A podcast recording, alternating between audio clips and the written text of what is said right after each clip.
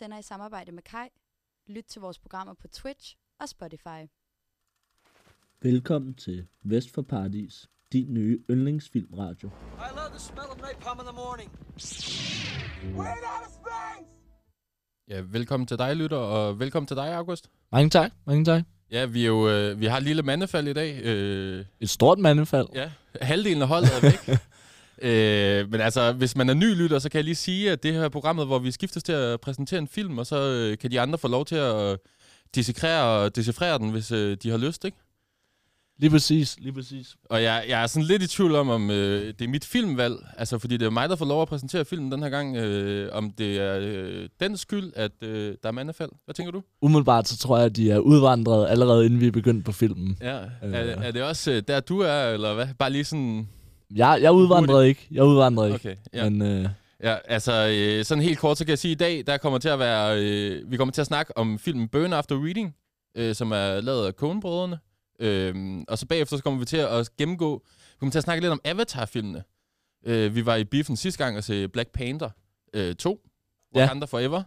Øh, og så så vi traileren ind i biffen, og jeg tror måske også, øh, hvis vi kan nå det i forhold til senderne, så kommer vi måske til at se Avatar 2 i, og snakke om den her i radioen. ja, det er planen ind, øh, indtil videre. Den har premiere, hvad er det, 16. december, tror jeg det er. Ja. Øhm, Ja. ja. altså hvis det lige passer, Ja. så, øh, så, Så- sender den den 19. december. Yes. Så her til sidste programmet vil jeg bare lige snakke kort om, øh, om vi ser frem til det, og hvordan vi ser frem til det, og hvordan vores oplevelse var med etteren. Ja. Ja, også øh, vi er jo blevet nødt til at improvisere lidt, eftersom øh, det ikke giver os meget mening at lave quiz to mand. Ja. Øh, altså, så vil jeg vinde for en gang skyld, ikke? jo, det er nok, det er ja. nok. Øh, nå, men altså, jeg tænker egentlig bare, at... Øh, altså, jeg har valgt den her Burn After Reading, og jeg tænker måske, om du sådan øh, bare hurtigt vil sådan sige til lytteren, hvad du tænker, genren er. Ja. Øhm, endnu en gang er vi, øh, er vi ude i en, øh, i en komedie, der lidt tager en drejning, synes jeg. Ja. Øhm, på den måde synes jeg lidt, den minder om Boogie Nights faktisk. Mm. Øhm, fordi der ligesom kommer de her totale, hvor den bare spacer totalt væk fra den genre, man egentlig tænker, den ligger sig i. Mm. Fordi den skal jo være, det er jo en komedie, uden, altså det er jo ikke sådan en one-liner komedie, men det, det er jo stadig en komedie, og den har mange sjove facetter. Øhm, og så lige pludselig er- bliver Brad Pitt bare plaffet lige i hovedet. øh, og, Filmens øh, højdepunkt måske. og eller- John Malkovich, der, der jagter, øh, hvad er det, han hedder? Jeg har glemt, hvad den skuespiller hedder. Han jagter en af de andre karakterer med en, øh, med en økse, og, og hakker ham ned og sådan noget. Øhm, så den, den, jeg synes lige pludselig, så tager den bare en drejning. Ja. Øhm, men øh, umiddelbart vil jeg øh, altså, klassificere den som en komedie. Øh, altså, jeg synes også sådan... Øh, altså, jeg håber måske... Nu skal jeg lige øh, fortælle kort om, hvad filmen handler om, og jeg håber måske, du vil hjælpe mig lidt hen ad vejen, fordi Jamen, jeg, det kan jeg godt. For jeg tænker, den er sådan lidt besværlig at øh, lige sådan helt sætte fingeren på, hvad den handler om. Ja. Ja, øh, og jeg har lige på min telefon fundet øh, navnene frem, fordi det er ikke sådan det, der fylder mest værdi lighed Nej. og, og sådan. Øh, Ej, hvad er det? Linda Litske, Ja. den, den kan man huske. ja, men det er nærmest også den eneste, man Det kan den huske. eneste, ja. ja. Øh, men det er øh, Cox, hedder han det? Ja, Vi starter ligesom han. med Cox, øh, øh, John Hvad- Malkovich, Ja, hvad er det, han hedder mere end Cox? Osborne Cox. Lige præcis. Ossie. Ja, som bliver, øh, starter med, at han bliver fyret øh, Ja. fra arbejde. Han arbejder inde i øh, CIA. CIA. Ja. Øh, og han er ret sur over det, og så tager han hjem til sin kone. Øh, ja, og Ja. de, han er ligesom... Øh, altså, hvis vi lige springer lidt sådan fremad, så er han... Øh, han vil gerne skrive sin memoir over sin tid i øh, CIA. Ja, efter han er blevet fyret. Efter det er han er- ligesom hans backup-plan. Ja. Og, øh, og hans kone er hammer utro med George Clooney. Ja, altså ved Tilda af. Swinton, som spiller hans kone. Ja. Er, Øhm, og, ko- om John Malkovich kone vil gerne skif- skilles fra John Malkovich. Ja. Og George Clooneys kone vil gerne skiftes fra George Clooney.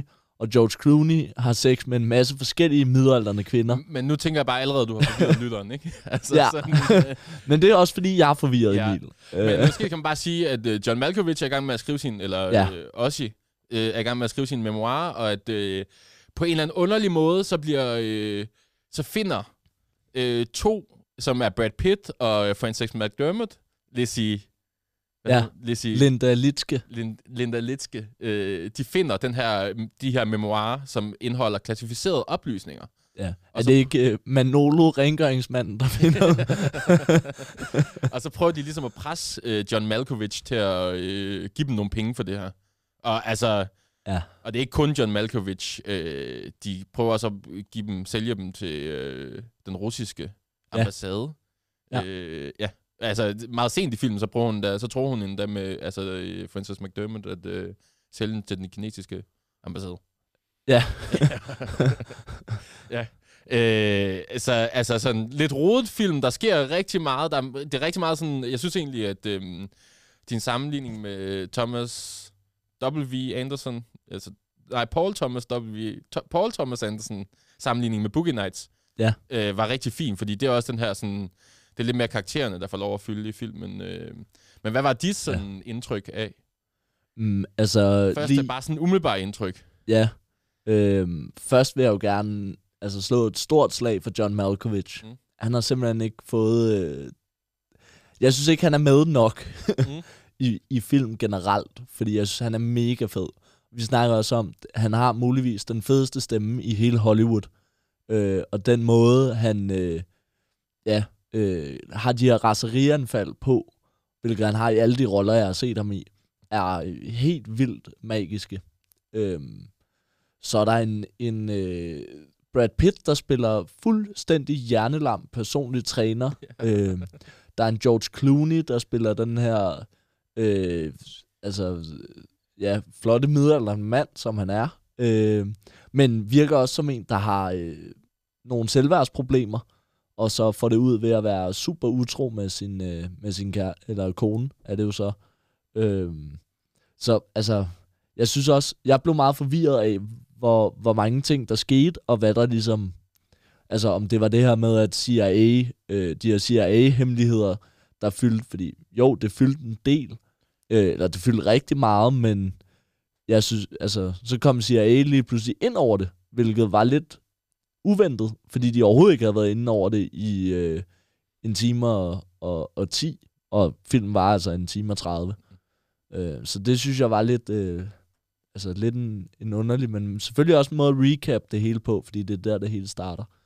Men jeg tænker Øh. måske, at øh, vi kan vende lidt tilbage til det der med genren, for det tænker jeg, vi skal dykke lidt Ja. mere ned i, øh, som du også, jeg fik dig til at tease lidt for i starten, ikke? Men øh, altså, jeg tænker måske, at det i virkeligheden, altså du er selv inde på det, men der er jo, det er jo helt vildt spækket med gode skuespillere, altså Francis McDermott, Tilda Swinton, George Clooney, Brad Pitt, John øh, Malkovich. John Malkovich. øh, øvrigt opfordring til John Malkovich, han må gerne komme med herinde i studiet. Han, Meget gerne. han er Meget, meget gerne. med sin gode stemme. Sin, ja. øh, så altså sådan, jeg synes, der bliver spillet... Jeg er faktisk ret vild med Brad Pitt. Det ved jeg ikke. Øh, altså, han spiller jo helt åndssvag lam i hovedet, ikke? Altså, Ja. Øh, Det er, det er en mindre doven øh, indsats, end den, han øh, leverer i Bullet Train, som vi så for et Ja. par afsnit siden. Mm. Ja. Det vil, jeg, det vil jeg give dig. Ja. Men jeg synes stadig ikke, det er en Brad Pitt i, i topform. Men jeg synes måske også sådan, det er en Brad Pitt, man ikke ser så tit.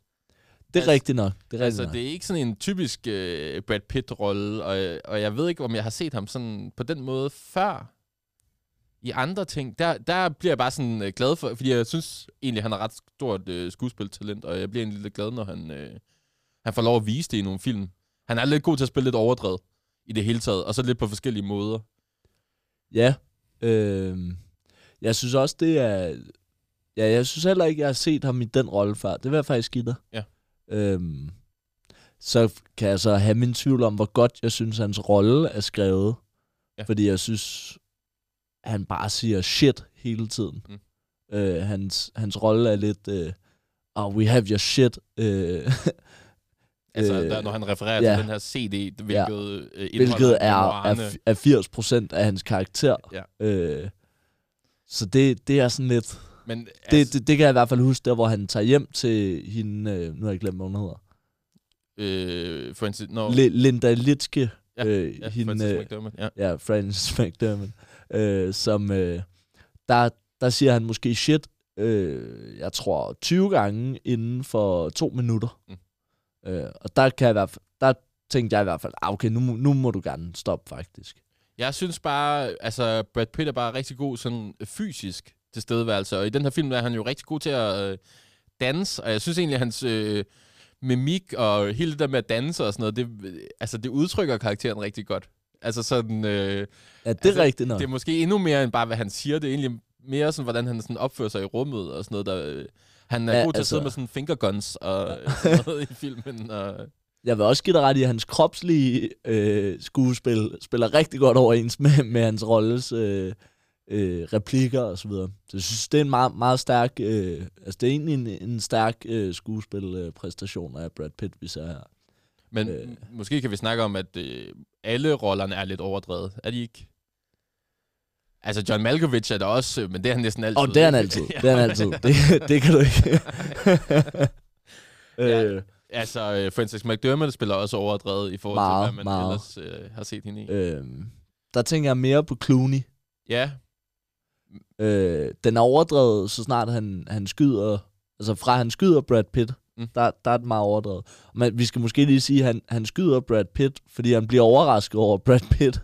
Man Er kan der? mås- måske kan du lige, hvad, altså, altså Brad Pitt er brudt ind i hans ja. hjem, fordi han tror, han skal møde John Malkovich derinde. Men Brad Pitt er jo brudt ind i John Malkovich hjem, Ja. hvor at det så er Clooney, der kommer hjem med øh, John Malkovich kone. Ja. Øh, og der er Brad Pitt ikke inde endnu. Øh, men de øh, har så lige deres affære. Så kører hun. Brad Pitt, nej, George Clooney kører med. Men han skal køre 5 miles, 5,2 miles væk, for så at løbe tilbage og tage et bad og så videre. Og i mellemtiden, der er Brad Pitt brudt ind i lejligheden, og hører så George Clooney komme ind, så han gemmer sig i tøjskabet. Og øh, så når man lige at se det, det her pistolhylster, som George Clooney har teaset for hele, øh, altså hele filmen igennem, at han har den her pistol, men han har aldrig affyret den. Ja, den vender vi lige tilbage til, men altså... øh, men øh, så gemmer han sig i det her klædeskab, og så øh, skal George Clooney have et eller andet. Og bliver overrasket over, at Brad Pitt er der, og så bliver han skudt lige i hovedet. og det er faktisk, altså sådan, altså våbnet hænger faktisk inde i skabet, ikke? Sådan, jeg forstod det som filmisk, som om, altså hans hånd, han har jo, han har jo lige taget tøj på. Jeg forstod det som om, at, Men jeg synes ikke, at man så øh, våbnet i det der pistolbælte, nej, okay. faktisk. Ja, det tror jeg måske, du har ret i. Øhm, så jeg tror, han har Men- taget den med i bad, eller et eller andet. det er i hvert fald lidt mærkeligt. Men så George Clooney skyder Brad Pitt i hovedet, og så løber han Jeg løber ned Ned ad trapperne og, og, vælter tager ned en ad trapperne. køkkenkniv. Ja. Og går op igen. Altså, det Ja. er sådan helt absurd underligt. Men kan vi lige blive enige om, den fylder ret, ret lidt, den scene, i forhold til, hvor skør den er? Og jeg ved heller ikke, om jeg synes sådan... Øh, altså, der er ikke nok fokus til det på, at, sådan, at payoffet bliver helt stort nok Nej, præcis. på scenen. det var lidt, øh, det var lidt min anke ved den, ja. Fordi jeg synes, det, det, altså, det, det er jo super absurd, mm. Men, men jeg blev lidt, øh, lidt ærgerlig over, at den så bare klipper over til de her, CIA, de her CIA-mennesker, der så siger, ja ja, jamen, så hørte, hørte vi et skud, og så så vi ham øh, kaste et lig i floden, og så var det fint nok. Ja. Øh, og så brænd, brænd livet, eller, altså, jeg synes bare, det var sådan et, åh, mm, altså, jeg kunne da godt tænke mig at se George Clooney bakse med øh, Brad Pitt ned ad alle trapperne. Øh, Også i forhold til, at han er sådan en, en der ikke har skudt nogen før. Og sådan, Præcis. Altså, den der Præcis. rolle, hvor han lige pludselig er sådan helt Også- fremmed. Og... ja, præcis. og Også fordi, at han når at spille det der. Han bliver helt overrasket over, at han har skudt ham øh, lige i hovedet. Øh, så det, det, det... Jeg vil gerne have set den noget mere. Men måske skal vi så lige tage fat i sådan øh, et fast segment omkring øh, ugens raket. Altså, hvem er det ligesom, der er ugens raket i, øh, i den her film? Altså, og hvis øh, man er ny Ja. lytter, kan jeg sige, at øh, det er den med mest øh, fart på, den der øh, frem i ledet-agtig skuespiller. Lige præcis. Ja. Lige præcis. Øh, umiddelbart, der er jeg på en Brad Pitt. ja.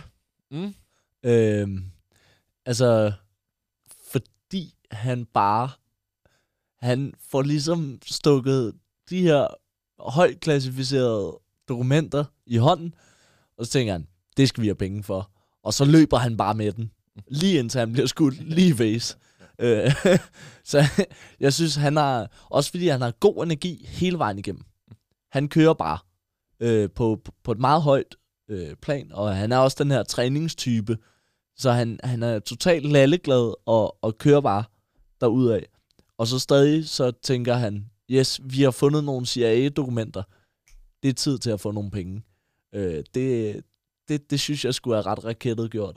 Men altså, der vil jeg bare lige godt... Jeg synes også, George Clooney skal i den her pulje, for jeg synes også, der er et eller andet over. Han er bare serieutro, og sådan lidt... Øh, han er også lidt lalleglad, ikke? Ja, men jeg tænkte også på ham. Ja, altså, øh, sådan, så finder han ud af hans egen... Til sidst i filmen finder han ud af sin egen kone. Øh, øh, altså, han finder ikke ud af, at hun er utro, men hun vil skilles i hvert fald, og hun er utro. Ja.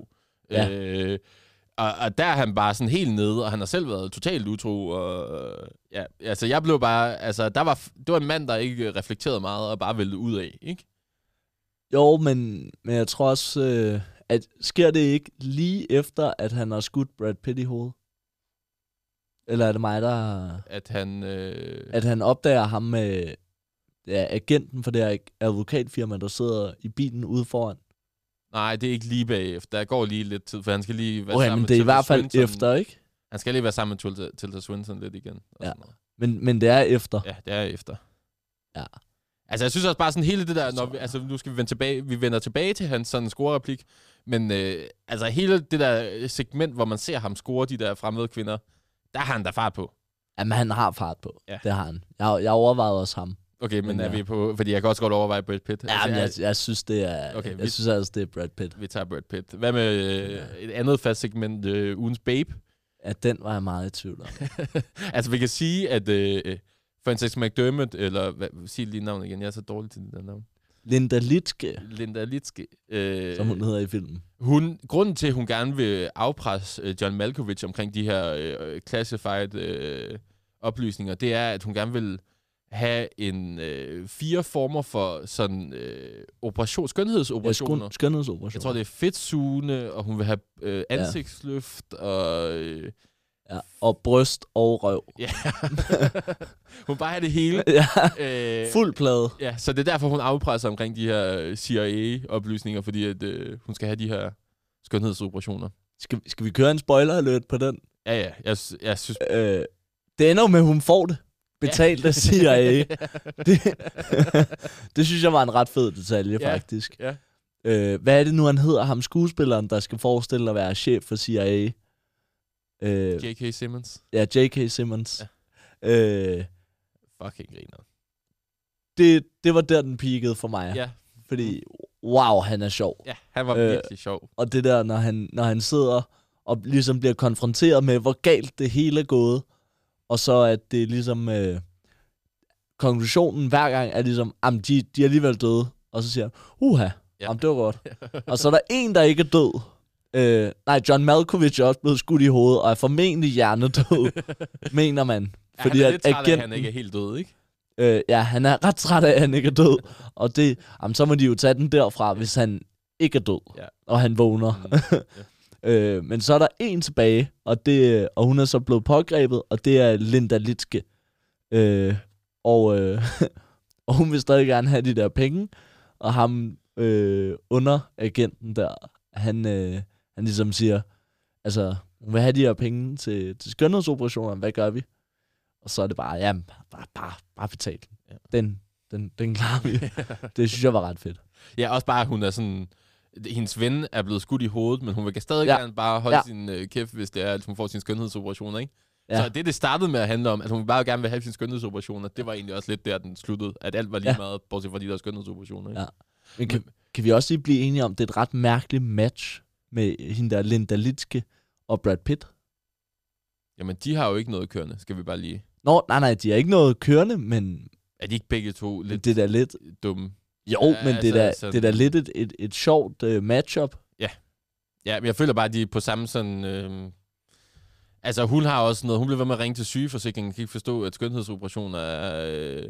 Ikke, ja, man ikke er dækket af skøn, altså, med skønhedsforsikringer. Øhm, men jeg synes måske, altså sådan, det er, altså, det er Francis McDermott, eller det er Tilda Swinton, øh, eller så er det George Clooney's kone, som jeg ikke ved, hvem, hvem er. Øh, og Hun der hedder er Elizabeth Marvel. Elizabeth Marvel. Og der er jeg nok mest på øh, Tilda Swinton. Ja. De er jo, de er jo normalt lidt, eller de, de er jo lidt ældre end, øh, Mm. end vores øh, sædvanlige... Øh, De har, babe. de har også en vis øh, mor-vibe over sig, alle tre, føler jeg. Ja, Jamen, det kan du godt have ret i. Jeg, jeg er måske der, hvor jeg gerne vil nominere Clooney. ja, Også fordi altså- han er... Altså... I virkeligheden er han en hver midaldrende kvindes drøm, tror jeg. Det, Ja. det er mit indtryk i hvert fald.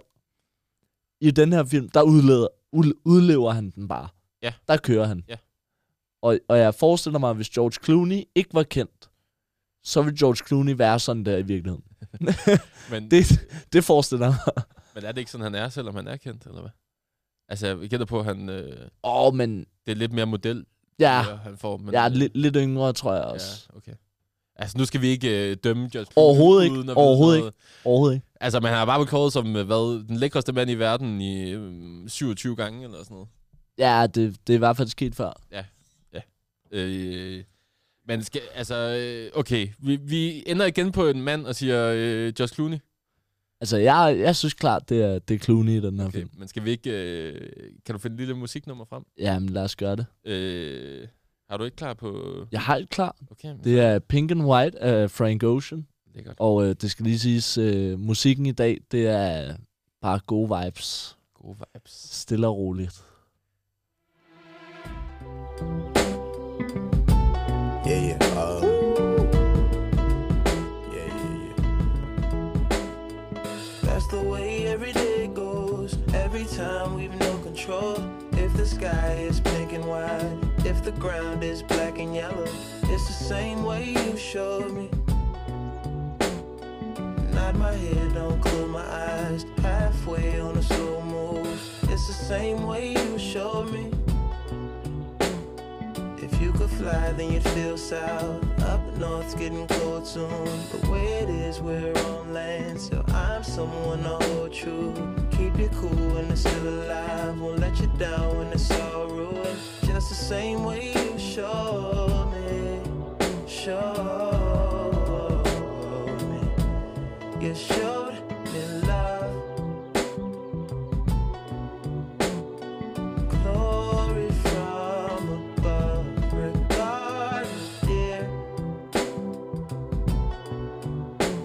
It's all downhill from here. In the wake of a hurricane, dark skin of a summer shade, nose dive in the floodlines, tall tower, milk crate. It's the same way you showed me. Cannonball off the porch side, older kids trying off the roof. Just the same way you showed me, you showed. If you could die and come back to life, up for air from the swimming pool, you kneel down to the dry land, kiss the earth that birthed you, gave you tools just to stay alive and make it out when the sun is ruined. That's the same way you showed me, showed. You showed me love.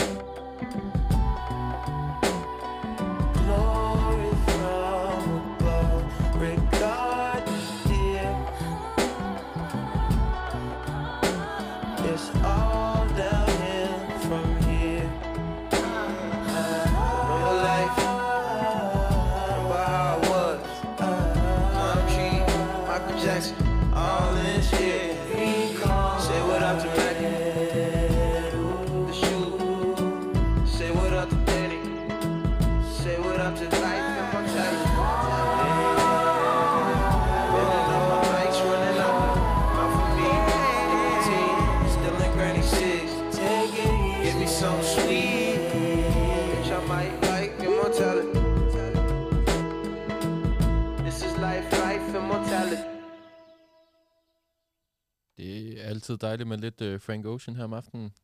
Bestemt, bestemt. Jeg tænker, at nu har vi snakket meget sådan øh, konkret, og, og i- altså, det er en besværlig film at sådan rigtig forstå, for der sker så meget. Øh, så jeg tænker måske, om vi skal sådan prøve at hive lidt op på et højere plan, og så snakke sådan lidt om øh, genrerne, vi kommer omkring. Og jeg tænker, du nævnte selv det her med, at det er sådan en øh, komedie øh, gone wrong, eller øh, i hvert fald skævt. Ja. Øh, så jeg tænker bare, hvis vi nu bare lige starter med sådan øh, komedieelementerne, hvor, hvor sjov er den her film? Øhm, Jamen, du, du ligger... øh, Jeg synes også, du er tavlig mod filmen, at øh, det sidste, du siger, inden vi sætter filmen på, det er, husk, det er de samme instruktører, der har lavet The Big Lebowski. Ja, ja. Og der, der føler jeg, at du sætter den her film bagud 3-0. Mm. Fordi den er ikke nær så sjov som The Big Lebowski. Nej. Øhm, det synes jeg ikke. Der var nogle sjove elementer, øhm, men jeg synes ikke, den, den holder udelukkende som en komedie. Øh, jeg synes også, nu siger du, der sker rigtig meget, og det, det gør der. Men der går ret lang tid, før at der for alvor kommer, kommer fart på. Hvilket er lidt, lidt ærgerligt, når filmen kun var halvanden time. Øhm, altså, det, det, jeg synes, der er meget langt øh, tilløb til, at der rent faktisk sker det helt vilde. Øh, Øhm, Ja, fordi jeg sidder også og tænker, når jeg ser den, så, så tænker jeg, okay, altså allerførst, er, det sådan, altså man starter med sådan en scene af, ja, det er vel et satellitagtigt, et højt Ja. op satellitbillede af jordkloden, der sådan Ja. langsomt zoomer ind øh, på New York. Øh, ja, Washington. Washington. Øh, og så, altså hele det der øh, musik, der kører i baggrunden, altså man får sådan Mission Impossible Ja, øh, vibe, sådan lidt spy-vibe. Ja, Og så kommer vi ned i filmen, og så i starten, der ser vi sådan en øh, fødder, der går på sådan nogle øh, klinker, og det er stadig sådan Mission Impossible-vibe. Hele den første scene. Ja. Men så begynder den at udvikle sig lidt til sådan en dramafilm. Ikke? Ja. Altså, der går en halv time, hvor vi bare har sådan en, en, lidt en drama. ja og det der middagsselskab, jeg synes Ja. også, det, det er lidt... Ja.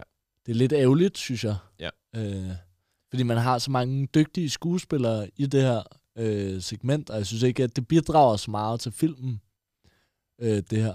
Jeg synes også, det var en mærkelig scene der, hvor øh, John Malkovich er ude på båden med hans far, som er dement, eller... Ja. Han, han fungerer i hvert fald ikke, og siger ikke et kvæk.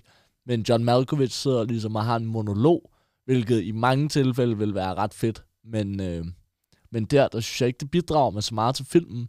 Så der sidder jeg og bliver lidt ærgerlig. Men er det ikke bare, fordi Øh, jeg han ved skal, ikke med dig. er det ikke bare, fordi han skal fortælle... Altså, det er også lidt fremdriftsscene, fordi det er bare, fordi han skal fortælle faren, at han er i gang med at lave de der memoirs, Det har han Og allerede at- sagt. Der. og at de er, øh, der er klassificerede oplysninger på. Det har han allerede sagt. Men han har ikke sagt, at der var klassificerede oplysninger. Nej, det er rigtigt nok. Men, Men, det er rigtigt nok, det var en ligegyldig scene. Men hvorfor, det. hvorfor, hvorfor er det også nødvendigt? Fordi man ved jo, at det er konen. Altså det finder man ud af i scenen efter, mm. basically. Hvor at det er advokatens sekretær, der har tabt den der CD nede i fitnesscenteret. Ja. Så jeg, jeg har lidt svært ved at se det for mig, hvorfor at det er så vigtigt, at han sidder og har den her monolog. Og en Øh. kedelig scene, ikke? Altså, sådan, der, det er jo ikke, fordi John Malkovich Jo. var fed der. Nej, øh, fed båd, men, Ja. men, men kedelig scene. Ja. Øh, det synes jeg skulle. Men, jeg, men jeg synes også måske, at det var en film, hvor jeg, øh, jeg føler, at jeg sidder og forventer lidt action. Altså hele starten, vi snakker om det der Mission Impossible. Jeg synes ikke, de der... Altså jeg synes, den, den får mig til at få en følelse af, at nu skal der komme noget action. Og jeg synes måske også, den mangler noget action. Jeg synes ikke, der er payoff på det. Nej. Øh, og alle de her mørkemænd, øh, Mm. man finder ud af, at en af dem er fra, en forsik- øh, fra den her forsikringsagent, men de følger jo også efter, Skilsmisseagent. ja, skilsmisseagent, men de følger jo også efter øh, Linda Litske Ja. og Brad Pitt. Mm. Og det er så vel CIA, går man ud fra. Men man får aldrig rigtig ud, man finder aldrig rigtig ud af det. Eller jo, man finder ud af, at det er CIA med Linda Litske til allersidst. Man finder ikke ud af, hvem det er til Brad Pitt. Man finder ikke ud af, hvem det er til John Malkovich. Øh, det, det er bare lidt mærkelige mørkemænd, der ikke rigtig bidrager med vildt meget, synes jeg. Ja, og der kommer øh, aldrig rigtig noget payoff på det, vel? Det eneste payoff, der er, det er der, hvor Brad Pitt kører ind i ham, øh, den unge... Øh, ja, ham, der altid spiller en eller anden akavet fyr i, i film. Øh, ja, der er også der, hvor George Clooney overfalder ham, den ene, der viser sig at være advokat. ja, lige præcis. Ja. Det er jo efter, han har kørt ind i ham. Ja. Mm. Øhm, Men, men altså, jeg synes måske, hvis vi så skal sige noget der, hvor den er god, og hvor den er konebrødrene god, så synes jeg, at den har det der absurditet, bestemt. som bestemt. altså sådan også Big Lebowski har. Øh, så altså, jeg synes egentlig, at, at der, især til sidst, hvor man bare alle, altså det hele sejler, og jeg tror egentlig, jeg sad med en følelse af, at CIA var forvirret over, hvad der skete, fordi at det, der var ikke rigtig nogen, der var sådan udspekuleret nok. Altså, de var lidt forvirret over, hvad planen var Ja. for øh, Lindy Liske. Øh, jeg siger det hele tiden forkert, men... Øh, altså sådan, fordi det, hun var så uprofessionel, så de var sådan lidt, hvad, hvad foregår der? Og så viste det sig, at de var også uprofessionelle, så de vidste heller ikke rigtig, hvad der, altså, hvordan de skulle håndtere det. Og, ja, så jeg synes, det der hele det der absurde teater, det var nærmest lidt uh, kafskask. Ja. Øh, som jeg godt kunne lide. Som jeg virkelig godt kan lide ved filmen. Det ved jeg ikke, Ja. om du... Øh, Jeg kan godt genkende, at der er, der er segmenter, hvor at man genkender, at det er Coen Brothers. Mm. Øh, og det her med, ja, den, hvor den også altså bare, bare lige pludselig kører ud af en tangent. Hvilket jeg også regnede med, når det var dig, der kom med en film, Emil. Øh, men... Øh, og den er absurd. Og, ja, øh, ja, ja, du kom jo med The Lobster første gang, Ja. ja. så altså. Øhm, men, men jeg synes ikke, den, den på samme måde... Altså, nu har jeg ikke set så meget Coen Brothers, øh, men jeg er jo altså, stor fan af The Big Lebowski, Mm. hvor, hvor jeg måske blev lidt skuffet over, at du... Øh, jeg tror, jeg havde haft en bedre oplevelse, hvis du ikke havde sagt, at det var de samme, som havde lavet Ja. ja. The Big Lebowski lige inden. Øh, men den kommer med nogle fede, øh, absurde scener, hvor den lige pludselig tager en drejning, hvor man sidder og tænker, what the fuck? Ja. Øhm, og altså, det, øh, men de, de kommer først efter 50 minutter, en time. ja, what Er the det ikke fuck der- scenerne. Ja, det, det starter ligesom med, at Brad Pitt han bliver skudt lige i hovedet. Ja. Det, det er derfra, det stikker af, synes jeg. Øhm, Øhm, men der, der er jeg også, altså der er jeg underholdt derfra, vil jeg bestemt sige. Og komedien, altså øh, komikken kan også noget. Altså, der er sjove Ja, ja, scener. Ikke, kan vi ikke blive Jo, enige om... jo, jo. Øh, Jo, og, og jeg vil gerne lige bringe et, øh, et skud til Anders Vad for at øh, sove på samme måde som John Malkovich. det griner vi også af. Ja. Øh, Altså, og det er, hvis til lytteren skal jeg sige, at Anders Vad sover på sådan en måde, hvor han, øh, i hvert fald når han går kold, det tror jeg godt, vi kan tillade os at sige, ja, øh, ligger sig sådan halvt på øh, sengen. Ja eller maven. sofaen, eller hvad det end Ja. kan være. Du ved, sådan en, der bare ligner, der er sådan faldet ned Ja. mod det der, men man er ikke kommet helt ind på det sted, hvor man skulle sove. Ja. Men den ligger sådan lidt halvt ud over. Og, og alt tøj på. Ja, Tøj på, ja. Øh, men måske apropos, altså hvad er, øh, hvad er den dårligste scene i den her film? Har du, har du godt bud på, hvad... Ja, men jeg tænker godt over det. Øhm, og øhm, jeg tror, øh, jeg ender med at gå med bådscenen. Fordi jeg synes ikke, den, den giver nogen mere værdi Nej. til filmen. Jeg synes, den, den virker malplaceret. Øh, den virker overflødig for mig. Øh, hvilket er voldsomt at have overflødige scener på en film, der var halvanden time, synes jeg. Øhm, så, så jeg tror, jeg går med den. Øh, ellers så... Øh, jamen så... Jeg, jeg har også over, altså jeg har også tænkt på, på Brad, øh, på Brad Pitt-scenen, der hvor han bliver skudt i hovedet, fordi man ikke får hele det her payoff. Ja. Jeg sidder og mangler det payoff, hvor at han bliver båret ned ad trapperne, eller et Ja. eller andet. Øh, så så jeg, jeg ender med at gå med en af de to. Ja. Det bliver jeg simpelthen nødt til at se- sige. Selvom jeg synes, det er fedt, at Brad Pitt han bliver skudt i hovedet af George Clooney, og det, øh, altså, den, den tager den her drejning. Det synes jeg er fedt. Det er et fedt vendepunkt i filmen. Jeg, jeg sidder bare tilbage med en lidt ærgerlig fornemmelse efter den scene, fordi at man ikke får det fulde payoff. Altså, så på den måde, så er den dårligste scene også den, der mangler. Eller, altså, det, den er dårlig, fordi den mangler noget. Ja, Ja. Altså, ja. Jeg tror egentlig, jeg er med på bådscenen der med faren. Ja. Øh, hvor at, at det bare... Altså, der sker bare ikke noget, som siger. Og det er fordi, de gerne lige vil fortælle, at der går lidt tid, og han er i gang med at lave de der memoirs, tænker jeg. Ja. Altså, så man rigtig fornemmer, at han ikke bare var, det ikke bare var et projekt, han skulle til og i gang med, men at han rent faktisk er i gang med det, ikke? Ja. Fordi Til konen siger han bare, til Tilda Swinton siger han bare, at han gerne vil skrive memoirs. Og så skal Ja. man ligesom fornemme, at han er i gang, og det Men- virker bare sådan lidt Ja, og man, man får det også efterfølgende. Øh, der får man også den her, øh, hvor de sidder, han sidder på sengen, og så siger han til konen der, "Jamen, det er fordi, jeg har skrevet klassificerede oplysninger i min, Ja. ja. min memoirs. Ja. Der siger han det for anden gang. Øh, så altså, en af dem skal i hvert fald som minimum væk. Ja.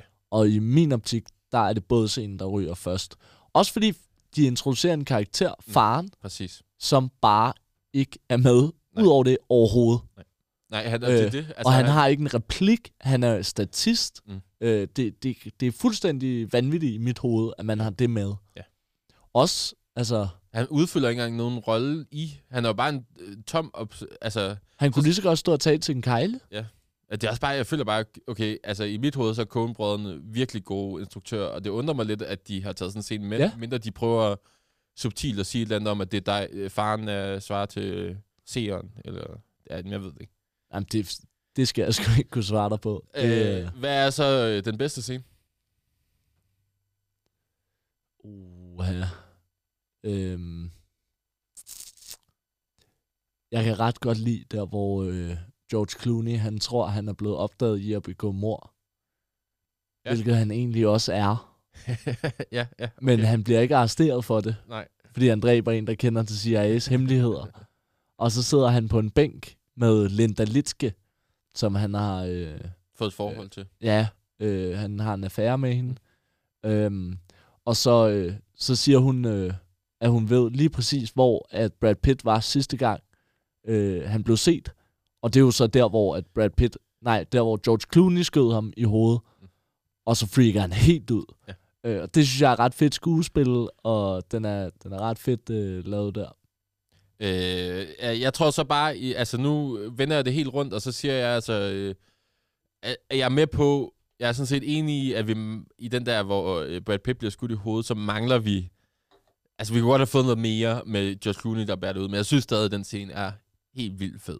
Og øh, hvis jeg lige skal prøve at forsvare den, så synes jeg også, at det er sådan en scene, hvor man ser, øh, det er George Clooneys perspektiv, altså hele scenen er George Clooney lige snart han skyder, så er det George Clooney's perspektiv på, at Brad Pitt bliver dræbt, ikke?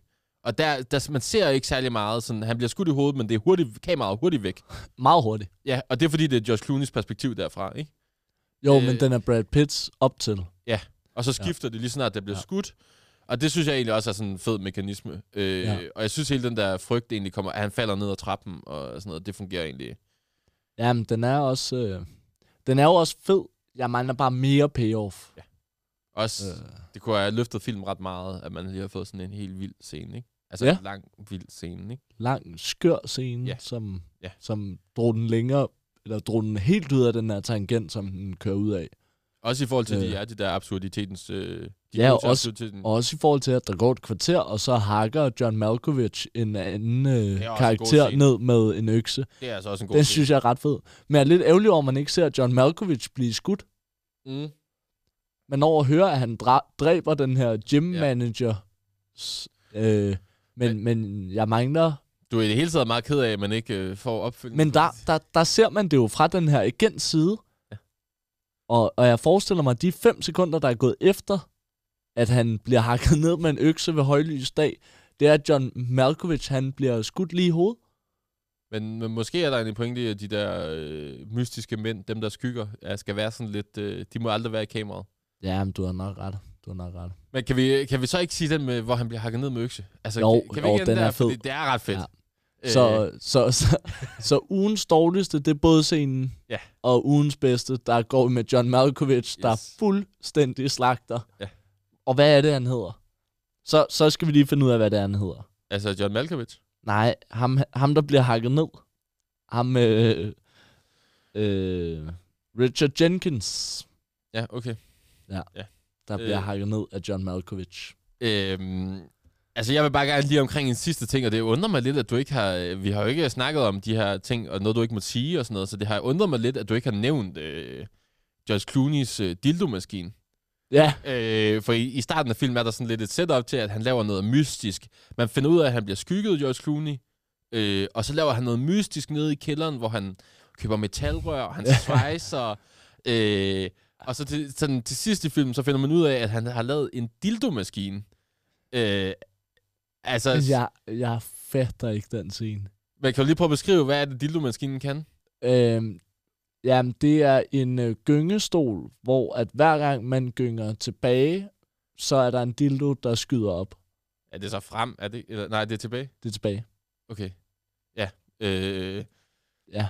Ja. Fordi at han skubber den ligesom tilbage, og så kommer den op ja, det er rigtigt. Ud af ingenting. Ja, så kan man ligesom gynge frem og tilbage, og så... Øh, Men jeg ved ikke, det, det virker som om, at det er den, der skal redde hans ægteskab. Fordi han smadrer den, så snart han finder ud af, at konen gerne vil have en skilsmisse med ham. men Hun vil ja, gerne skilles, så smadrer han dildo-maskinen. man kan bare blive enige om, at George Clooney er mega liderlig i den her film. Han er meget liderlig. Altså, ja, han er også batshit crazy jo. Men er han ikke lidt ligeglad med, hvem den skal bruges på? Det virker bare til... Han viser den jo også til øh, Ja, Linda Litskit. ja, Ja. ja, det gør han. Jamen, det, jeg, jeg fik et chok. altså, Men ja, så tænker jeg bare lige her til sidst. Nu har jeg jo øh, teaset for det hele tiden, og jeg tænker, August, Ja. at øh, øh, du er jo god til en lille scorereplik nede i fredagsbarn. Og så tænker jeg bare, okay. altså, sådan, kan du lige prøve at vurdere? Altså, Josh Clooney, øh, han har jo den her med... Vi ser ham jo i flere sådan scoresituationer, hvor han sidder til sådan en, en klassisk Tinder-date. Ja, Altså, bortset fra, at det er så uh, score.dk-agtigt. ja Øh, før, før Tinder. Ja. Det er, det er før Tinder i æren. Ja.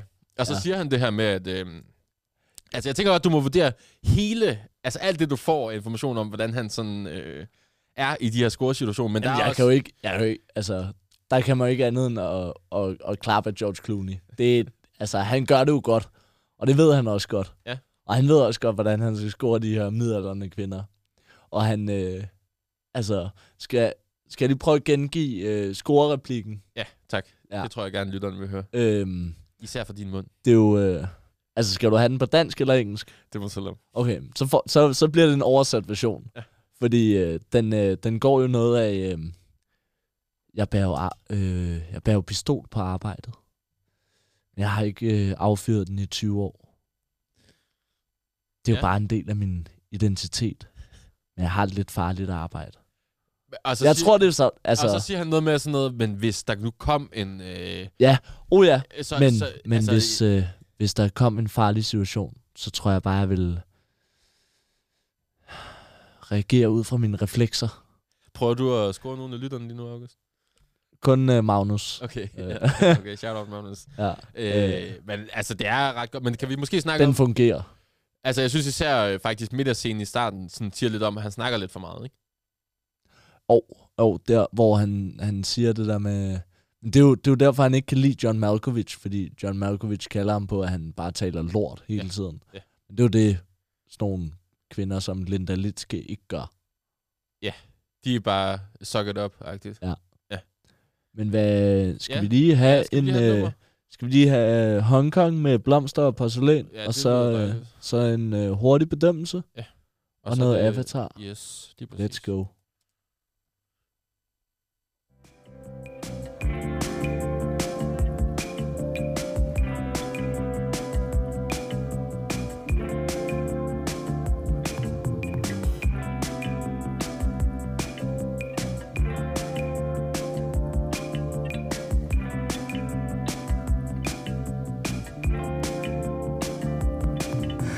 Forbeder for at skødt på gaden, når jeg vender pladen, inden den er færdig. Smider de sang, du kan lide, fordi vi er her, hvor vi er ærlige. Vi er i fokus, og det er ikke platonisk. Hjelmen spænder, vender tilbage til dig, baby. Vender tilbage til dig, yeah.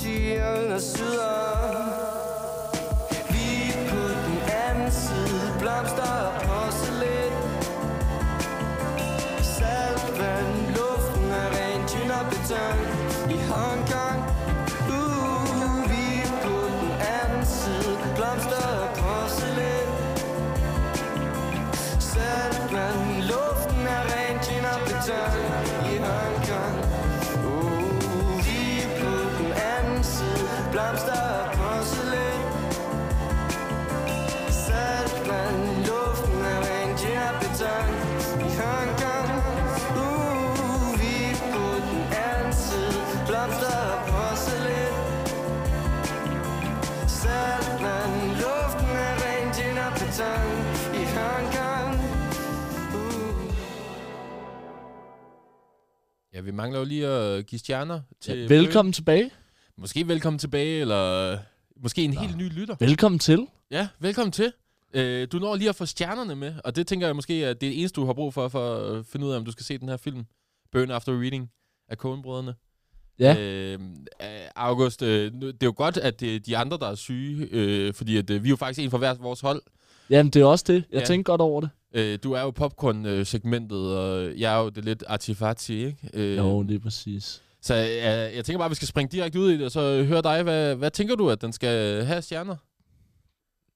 Er, ja, er Jeg- vi nede jeg- på Black Panther? En stjerne? Eller? Nej, nej, vi er, vi er ikke på en Black Panther. Øh, men jeg er heller ikke helt op at ringe over den. Nej. Øhm, umiddelbart, så, så vil jeg gå med ja, to og en halv eller tre. Okay.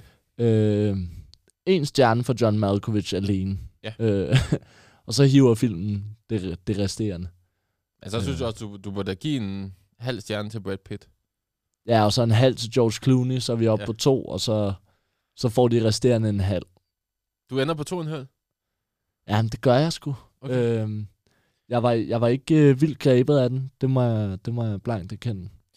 Øhm, Jeg er lidt ærgerlig over det, Ja. øh, fordi den har egentlig nogle elementer, der er super, super fede. Men jeg synes også, der er de her løse ender, og synes jeg ikke, den rammer helt... Altså, jeg synes jeg ikke, den rammer overhovedet på sømmet, rent øh, satirisk. Det, det bliver nødt til at... Jeg, jeg, jeg synes måske også, at øh, hele vores øh, præmis om, at vi ser dem sammen, også, øh, nu sad, sad vi bare os to og drak lidt øl og så den her film, øh, men normalt er vi jo alle fire. Ja. Øh, det forfordeler lidt jeres øh, film, ikke? Fordi Jo, der jo. er noget over mig og Anders' film, som men det er det jo- er sådan en, man skal se alene. Jamen, du, du kan jo ikke bare gå direkte på dommeren. Altså, du, er ikke, du er ikke bare udfordre præmissen lige med det samme. Øhm, nej, jeg Jeg synes, jeg er hårdt. jeg tror bare, jeg vil lave et oplæg til lytteren, hvis det er, man har tænker måske, at man kunne tænke sig at se den. Så, så er det sådan en film, hvor man bare gerne vil hygge sig lidt, men altså, have det hyggeligt med en film. En søndag aften øh, alene, eller sammen med en anden i en øh, sofa, og bare øh, ikke snakke sammen, og bare lige chill lidt ud. Er, er det ikke sådan en film? Jo, men det kan man godt. Det kan man godt. Øh, Men, men det kræver lige, at man bliver i hvert fald øh, 50 minutter, før man for alvor bliver grebet, synes jeg. men det er også, fordi du ikke bliver grebet af drama. Jo, men det kan jeg godt. Det kan jeg godt. Men, men jeg synes, altså, det er sådan lidt, øh, Ja, okay. øh. Jeg synes, hvad, hvad tænker du? Ja, Altså, hvad er du på? Ja, men jeg synes, det er også det, det, er det farlige ved de her programmer, ikke? fordi de har det jo også med at overtale en lidt, ikke? Så jeg gætter på, at min letterbox indtil videre har sagt fire stjerner. Okay. Øh, men jeg, måske, jeg kan måske godt ryge med ned på 3,5. Skal jeg lige tjekke for dig, Ja. hvad, du, hvad du ligger på? Ja, det må du godt. Men altså, øh, jeg synes, det er en rigtig god film, og jeg synes, den har noget Coen-brødrene på den gode måde. Og den er sjov, og den er også den er mindre svær end uh, The Lobster, som jeg introducerede. Jeg synes egentlig, det er sådan en meget nem, let tilgængelig film at se. Ja, men jeg synes, øh, The Lobster var federe. Ja. Øh, der, der synes jeg, du ramte bedre. Ja. Og det kan man også se i, i vurderingen. Ja, den fik fire. Ja, det gør den. Øh, jeg kan fortælle dig, du gav den 3,5 på, øh, på Letterboxd. Øh, Burn After Reading. Ja. Du er, Ja. Ja, Men der, der er jeg jo meget konsekvent, ikke? Så jeg, ja så du, er, du er meget konsekvent. Ja. Øhm, Skal vi bare ile videre så? ja, det synes jeg. Lad, os lande den øh, på den. Ja, Øh, halv. et øh, et dig, enstemmigt øh, block, blockbuster-segment vurderer den til, øh, til 2,5. Og jeg vil og, sige, øh, jeg har snakket med Anders, og han giver den også til 3,5. Så. Det gør han. Det kan jeg også se ind på Letterboxd. Ja, okay. Lad os lande den der. Ja. Og så lad os hoppe øh, direkte over til lige at høre øh, lidt af Avatar-traileren. Øh, den kommer lige her. Meget lige kort sekunder. Ja. I need you with me. And I need you to be strong. Strong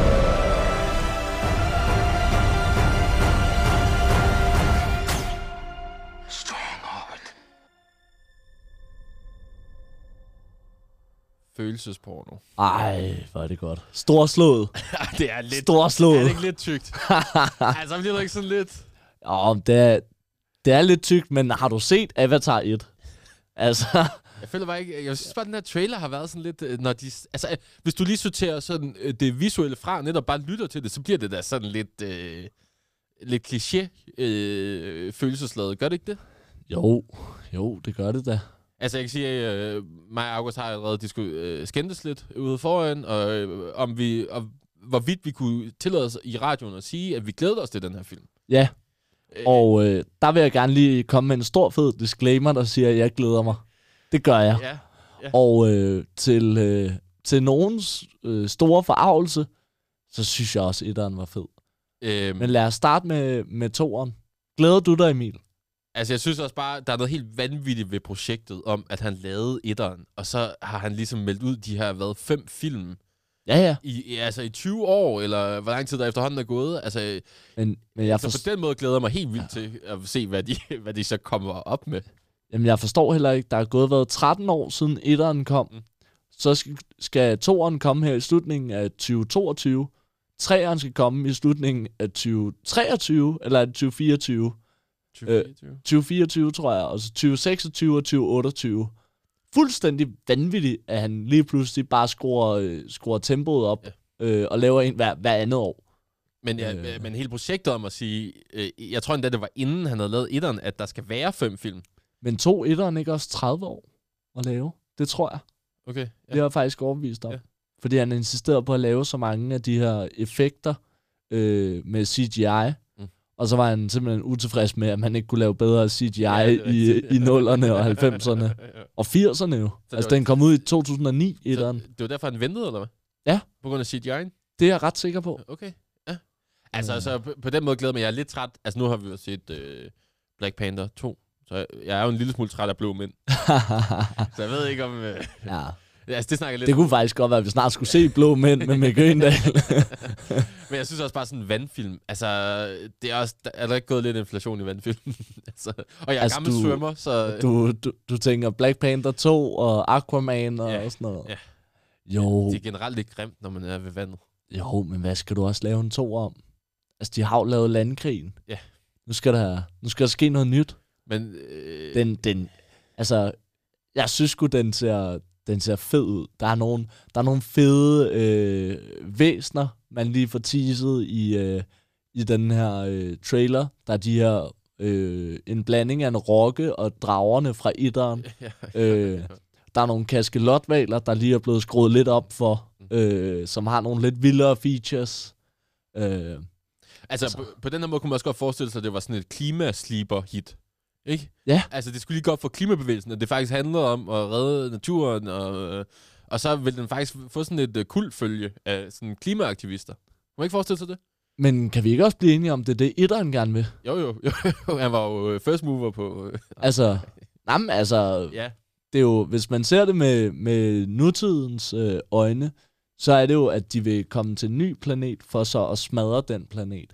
Men jeg følte bare, at etteren handlede en lille smule mere om øh, det der med sådan øh, oprindelige folk versus sådan Conquerors. Ja, det kan du godt have ret i. Det kan du godt have ret i. Så, og så tænker jeg nu, det er derfor, det hele det der vandet. Så øh, handler det lidt mere om øh, klimaet, og hvordan øh, vestlige imperier kommer og smadrer klimaet. Ja, men det kan du godt have ret i. Øh, altså, øh, men han kan jo godt lide vandfilm. Vi har jo slet ikke nævnt Titanic. Altså, James Cameron har, har jo... Øh, Ej, det var... Det var altså, det, på den måde så er det jo heller ikke min yndlingsinstruktør. Jeg må indrømme, at... Øh, altså, jeg kan godt lide Terminator. Jeg kan selvfølgelig godt lide Terminator. Bare rolig hvem kan lytter. ikke lide Ja. Terminator? Ja, men jeg synes øh, ikke, Cameron er sådan en, jeg tænker over, som værende sådan en helt vildt god instruktør. Jeg vil sige, jeg blev overrasket, da vi lige sad øh, og lavede rundown til, til det her program, over øh, at James, Cameron ikke har lavet flere store film. Og, og forstå mig ret, han har lavet Terminator 1, han har lavet Terminator 2, så har han lavet Titanic og, øh, og Avatar. Øh, og det, det er lidt der, den stopper for mig, i hvert fald i forhold til, hvad jeg kender ham for. Ja. Og der, der troede jeg egentlig, at han var større, men han er jo overhovedet ikke på, på niveau med Steven Spielberg eller øh, Tarantino, øh, i mit hoved i hvert fald. Men er det ikke ham, der har De har- lavet Aliens? Jamen, han har ikke lavet Alien. Nej, han har lavet Aliens. Ja. Altså toren. Som jeg heller ikke er særlig vild. Altså, undskyld, det er også farligt at sige, men øh, jeg er heller ikke Han har lavet Aliens. Ja, præcis. Han har ikke lavet Alien. Nej, som er den bedste, det er Ridley Scott. Ja. Ja. Altså, Altså, der, der, altså sådan, som, som instruktør, ikke, altså, det er ikke derfor, jeg glæder mig til Avatar 2. men det siger måske også noget, dem du, vi har nævnt, det er jo gamle film. Det er meget gamle film. Ja, Så det var, fordi han har brugt 30 år på at lave Avatar 1, åbenbart. Og nu Okay. 13 år på at lave Ja. Avatar 2. Ja. Og så, så laver han lige øh, 3'eren, 4'eren og 5'eren på, på to år hver. Men kan du måske ikke øh, fortælle om den der gode oplevelse med Avatar 1? Altså, øh, var, var det, den kunne du godt lide? Så du den? da Jamen, den det kunne ud? jeg godt. Jeg, jeg så den, da den kom ud. Øh, jeg, jeg, jeg var også i biografen. Det, det husker jeg det samme. Men jeg har jo været... Øh, ej, det, det var jeg ikke. Jeg var 10 år. Øh, nej, det var jeg ikke. Men, men jeg synes, den, øh, den var storladen. Øh, det var... Øh, det var på et helt nyt niveau, det her CGI, øh, og lavet på en, øh, på en måde, hvor at jeg blev, blev mega grebet af den. Og jeg synes stadig, den holder faktisk alene på baggrund af, hvor godt den er lavet. Øh, så man diskuterer storyline og så videre. Det ved jeg, du, du tænder lidt af på, fordi den er lidt klichéfyldt. Øh, men jeg synes simpelthen, den holder alene på baggrund af, at den er så flot. Det er virkelig en flot film i, Ja. i mit hoved. Altså, jeg vil sige, i modsætning til, hvad du tror, så jeg var i, øh, jeg var i biffen og se den Ja. i 3D. Ja. Og for første gang så noget rigtigt i 3 altså en Ja. film i 3D. Øh, og jeg havde en virkelig god oplevelse. Det var Ja. virkelig en fed film. Jeg sad bare og havde det fedt, og øh, 2009, så har jeg været en 15 år eller sådan noget. Ja, ja. Også ret meget alderen til den, ikke? Jo, Øh, så altså, jeg synes, øh, det var virkelig fedt op, men så har jeg bare genset den. Jeg synes den er lidt kedelig. Og, Men- og det er også lidt det, du siger med storyline, ikke? Altså, jeg tror, jeg tænder lidt af på det der storyline, der er sådan en lille smule tykt og lidt kedeligt. hvad synes du så om uh, action i etteren? Er der noget action i den? Der er, Altså, der, de en kæmpe, lidt. der er der en krigsscene til, til sidst, sidst. og så videre. Men er det ikke sådan lidt... Det, jeg føler, det er den der, hvad hedder det? Sådan træner du din drage. Øh, Ja, for voksne. jeg er også ikke rigtig alligevel. Men, altså, altså, jeg synes også det der med, at Cameron laver også sådan lidt... Nu har du, må jeg godt, det håber jeg må sige for lytterne, at du har ikke set Titanic. Ja, det må du gerne. Øh, han laver jo lidt sådan kærlighed. Det er jo kærlighedsfilm. Te- Det er en er, er faktisk også en kærlighedsfilm. Ikke? altså, øh, så Ja, ja, ja. ja. altså, det er jo... Og jeg tror måske ikke, det, det er nok ikke min bedste genre, sådan roman, romantiske film, hvis jeg skal være helt ærlig. Og det tror jeg, sådan, at det der er mit lidt problem med Avatar, det er, at det er en, i virkeligheden en romantisk film. Ja. Øhm, jeg kan sgu godt være en hund for en god øh, romantisk film. Ja. Det, det skal jeg blankt erkende. Men jeg synes også, øh, Avatar fungerer på, på flere niveauer. Øh, og jeg synes, det... Øh, altså, jeg må simpelthen bare holde på det der med, at jeg synes simpelthen, det er... Altså, den er så flot lavet. Og grunden til, altså... Eller det, det forestiller mig, at grunden til, at man at den falmer med tiden, er fordi, man kan lave det lige så godt nu, på kortere tid. Altså man har set andre film, der laver lige så flotte film, og laver lige så god CGI, hvis ikke bedre CGI. Men man glemmer, at det var banebrydende for sin tid. Altså det, jeg føler lidt, det er ligesom at se... Da jeg så Star Wars for første gang, hvor jeg tænkte, altså det kommer at lave en ordentlig eksplosion. Fordi man er blevet vant til, at alle kunne lave en god eksplosion. Men, men man glemmer, hvilken tid den er lavet i. Og den er, det er en forgang, øh, altså i, i mit hoved er det i hvert fald en forgænger for, for, hvordan vi laver film i dag, og hvordan der bliver lavet CGI og computerstyret øh, film i dag, Øh, og på den måde, og computerborget film. og man kan også sige, at han, altså nu sad vi og så sådan en YouTube-video om sådan bagom, øh, hvordan, altså, hvordan det så ud uden CGI. Og der kan man jo se, at han bruger det der, der hedder motion capture, som øh, Gollum også har lavet med, hvor folk bevæger sig rundt med sådan nogle dragter, og så kan de sådan Ja. ja. øh, øh, sætte CGI'en på bagefter, ikke? Mm. Øh, og det er jo også virkelig noget, hvor man sådan giver det ekstra niveau til det der CGI, som ikke bare bliver sådan helt falsk computerlavet. At det rent faktisk har noget sådan fysik bag sig. Ja, Og, ja. og det kan man jo også se i filmen, at det er godt lavet. Ja. ja jeg har ikke noget på øh, udseendet og sådan noget. Jeg tror, Nej. øh, det er storyline for mig, der er sådan lidt falmer. Men altså, jeg tænker måske, det er 10 år siden, du har set den, ikke? Om det, det, er, det er i hvert fald noget tid siden. Ja. og jeg føler nogle gange, at folk skal lige se den igen. Nogle gange, når folk er meget op at køre den, så synes jeg lige... Men altså, skal vi ikke lige Men, sige, men, at... men glæder du dig så til toren? Ja, jeg glæder mig lidt til at se den. Men det er også med, med bange anelser, ikke? Jo, altså jeg føler, øh, dig og Anders har begge to, øh, vi har jo snakket om den, efter vi var inde se Black Panther, fordi så har vi alle sammen set traileren, Mm. og øh, både dig og Anders var, var ikke, øh, I, I, havde jeres, I har jeres bange anelser begge to, tror jeg godt, vi kan sige. Men det er også, hvis man ikke er helt op at køre over etteren, ikke? Og man Jo. er sådan lidt, man ved ikke rigtig med Cameron. Han føles lidt som en, der er blevet en gammel mand. Men han er også gammel. Men altså, sådan, øh, apropos, altså, skal vi måske ikke lige, skal vi ikke køre videre, og så sn- snakke om, Jo. hvad er det, du vil, øh, vi, hvad skal vi se til næste gang? Ja. Øh, jeg har jo taget en, øh, en, ordentlig, en ordentlig slasker med. Ja, det må sige. Øh, Du har jo afslået det for mig. det var, kan- ja, men det har jeg. Øh, jeg kunne simpelthen ikke vente. Nej. Øh, det var også fordi, jeg stod imellem to film. Fordi, øh, Nærmest den samme film. Ja, det, det kan du argumentere for. Øh, men øh, vi har fået efterspurgt, om ikke vi kan se nogle film, som alle har set. Og som... Øh, og der, der vil jeg lige... Jeg havde tænkt, at vi skulle se Fast and Furious 1. Mm. Fordi jeg egentlig tænkte, ah, det er egentlig... Jeg synes egentlig, det er en ret, ret fed film. Øh, endnu en gang, jeg så den, da jeg var, var, var ret øh, lille, og den, den banede ligesom vejen for, øh, for det her univers. og Jeg synes, det var, det var fedt. Du var ret sur på mig, og jeg havde ikke givet den særlig høje stjerner. øh. Ja, du har givet den været to, tror jeg. Øhm, men øh, det hele, hele Fast and Furious sagaen, den peakede for mig ved Fast and Furious 5. Så selvfølgelig skal vi se Fast and Furious 5. Eller Fast 5, tror jeg faktisk, den hedder. øh, I næste uge. Med alle de gode. The Rock, Vin Diesel, Paul Walker. Jamen, det bliver, det bliver rigtig godt. Altså, øh, med mulighed for ændring, fordi at jeg, lige nu, når jeg står og tjekker, så kan jeg ikke se, at den, øh, den ligger nogen sted. Om den er på Blockbuster. Er den det? Ja, ja. Okay. Vi, vi finder en vej. Vi Ja. finder en vej. Men altså, øh, du har set Fast and the Kære lytter, du har set Fast and the Furious 5. Det har du. Ja, ellers så lytter du ikke til det her program. Nej, og det, den er fed. Den er fuck. altså, der spoiler bare lige allerede. Jeg er ret vild med Fast and the Ja. Selvom jeg skulle være Archie så er det en af mine, måske min yndlings Fast and the Furious film. Det er i hvert fald min. Ja. Øh, og på den note, så lad os lyttes ved igen på Ja. mandag. Tak for i aften. Tak for i aften. Øh, lad os slutte på en øh, høj note her. Høj Her note kommer en stemme af. Minds of 99. Nå, okay.